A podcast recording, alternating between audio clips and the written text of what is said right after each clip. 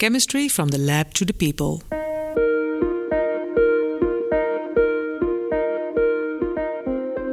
Hello, dear listeners. I am Morteza Hadian, and this is Chemistry from the Lab to the People, a podcast from Advanced Research Center of Chemical Building Blocks Consortium, shortly ARC CBBC.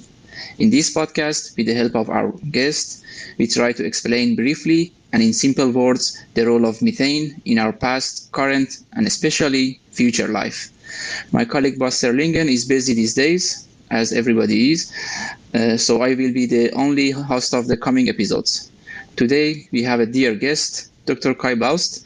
He is an assistant professor at the uh, Department of Chemical Engineering and Chemistry of Eindhoven University of Technology. In this episode, uh, he will help us finding out how we use methane nowadays or we have used it in the past. Hi Kay, welcome to the Chemistry from the Lab to the People. Hi Morteza, thanks uh, for inviting me. Thank you. Since you are my supervisor, we already know each other. But uh, would you please uh, briefly introduce yourself to the listeners? Uh, I think you've already explained shortly uh, what my position is within Eindhoven University of Technology. So I'm an assistant professor within the Department of Chemical Engineering and Chemistry. And my particular uh, focus is on uh, multi-phase reactors, where I'm part of the research group called Multiscale Modeling of Multi-Phase Flow. And that's a whole mouthful. But in principle, what we do is modeling of chemical reactors, in particular where there's multiple phases. Very nice. I won't ask tough questions. Please consider it when you are in the evaluation committee of my defense. so, as the first question, uh, what is the biggest application or destination of methane nowadays or was in the past? There are two main applications for mm-hmm. methane. One is just combustion for the heat. You know this also from uh, how you get heating of your own home. Usually, this is done with a central heating boiler, where methane is just burned to create heat for your central heating system. So that's one of the applications. Also in industry, this is sometimes used to get the heat. But there's another application which is fairly big, and that's actually for the production of hydrogen. And that's done via a process that's called steam methane reforming, where methane and steam together are converted uh, to get a lot of hydrogen, which is then used in the process industry. So, two applications uh, very clear for heating and also producing hydrogen. Uh, are there also any like minor applications or side applications? Well, there's a lot of minor applications as well, but since methane is so abundant and fairly cheap, also the, the applications are relatively cheap. Eh? So for burning and producing of hydrogen.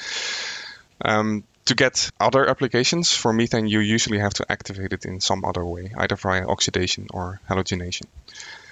So there are multiple other applications as well. Clearly, the biggest mm-hmm. ones are, are the two that we mentioned. So, what do you think? Uh, shall we keep using uh, methane as we are doing now, or are there uh, drawbacks in these ways? It's quite clear that methane, as we are using now, will not maintain. We know that policy in EU, but broader in the rest of the world as well, will be that the houses that are built today will be not connected to any form of gas. Right? So they will be self-sustained in terms of energy, meaning there's no gas, but also the electricity that is needed for the houses comes from, for instance, solar panels. So that's one of the main applications, which is then not using methane anymore the way we are doing it now. And that's quite a big portion of it. The other part is um, probably in industry the way that we're making hydrogen will change as well. And that will come mostly from electrolysis. And what's the reason that uh, we are leaving methane? Uh, one of the main reasons is, of course, that uh, by combustion of methane, we produce CO2, which is, of course, uh, not good for the environment. Methane by itself also is not really helpful for the environment if it gets free.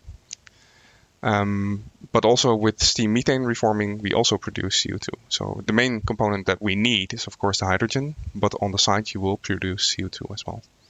Mm-hmm. That will cause uh, global warming. Which is one of the causes of global warming, yes. Okay.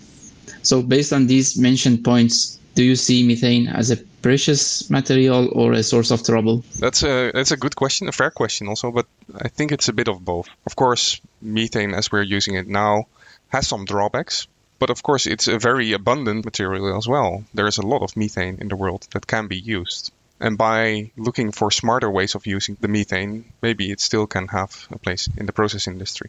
So, these smarter ways, uh, how do you see it? What are the potentials uh, or alternative ways that we can take the advantage of methane with the least harm to the environment?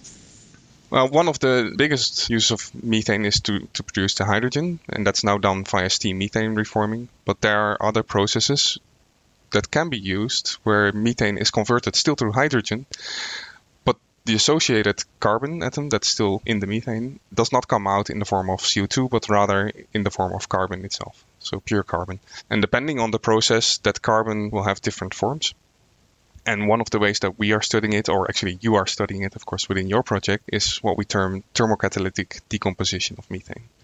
So actually, the methane decomposes into its main components being hydrogen and carbon. And because of the fact that it is done over a catalyst, the carbon that comes out is in a functional form called carbon nanotubes or carbon nanofibers. And these are, of course, materials that are known for its strength. They are used in a lot of high end applications. So it looks promising. It is promising, yes. Yeah. How do you see the future role of methane in our life and industry? Um, I think f- for our day-to-day life, of course, the burning of methane will be less and less. Uh, mm-hmm. in our homes, we're now, of course, isolating our homes and maybe transferring to heat pumps, so that we don't need the natural gas resources for our heating systems, or to cook our dinners, for instance. So I think in our own lives directly, you will see it less and less. Um, but that will take time, a lot of time. Yeah.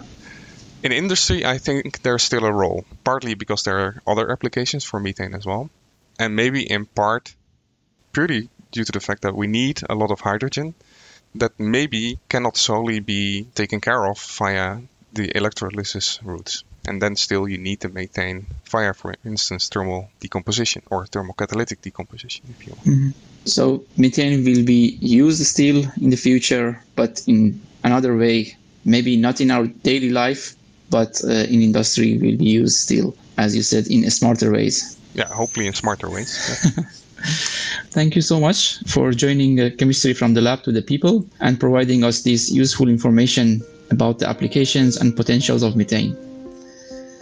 In the next episode, we will talk about uh, one specific ongoing project within ARC CBBC on novel ideas related with methane.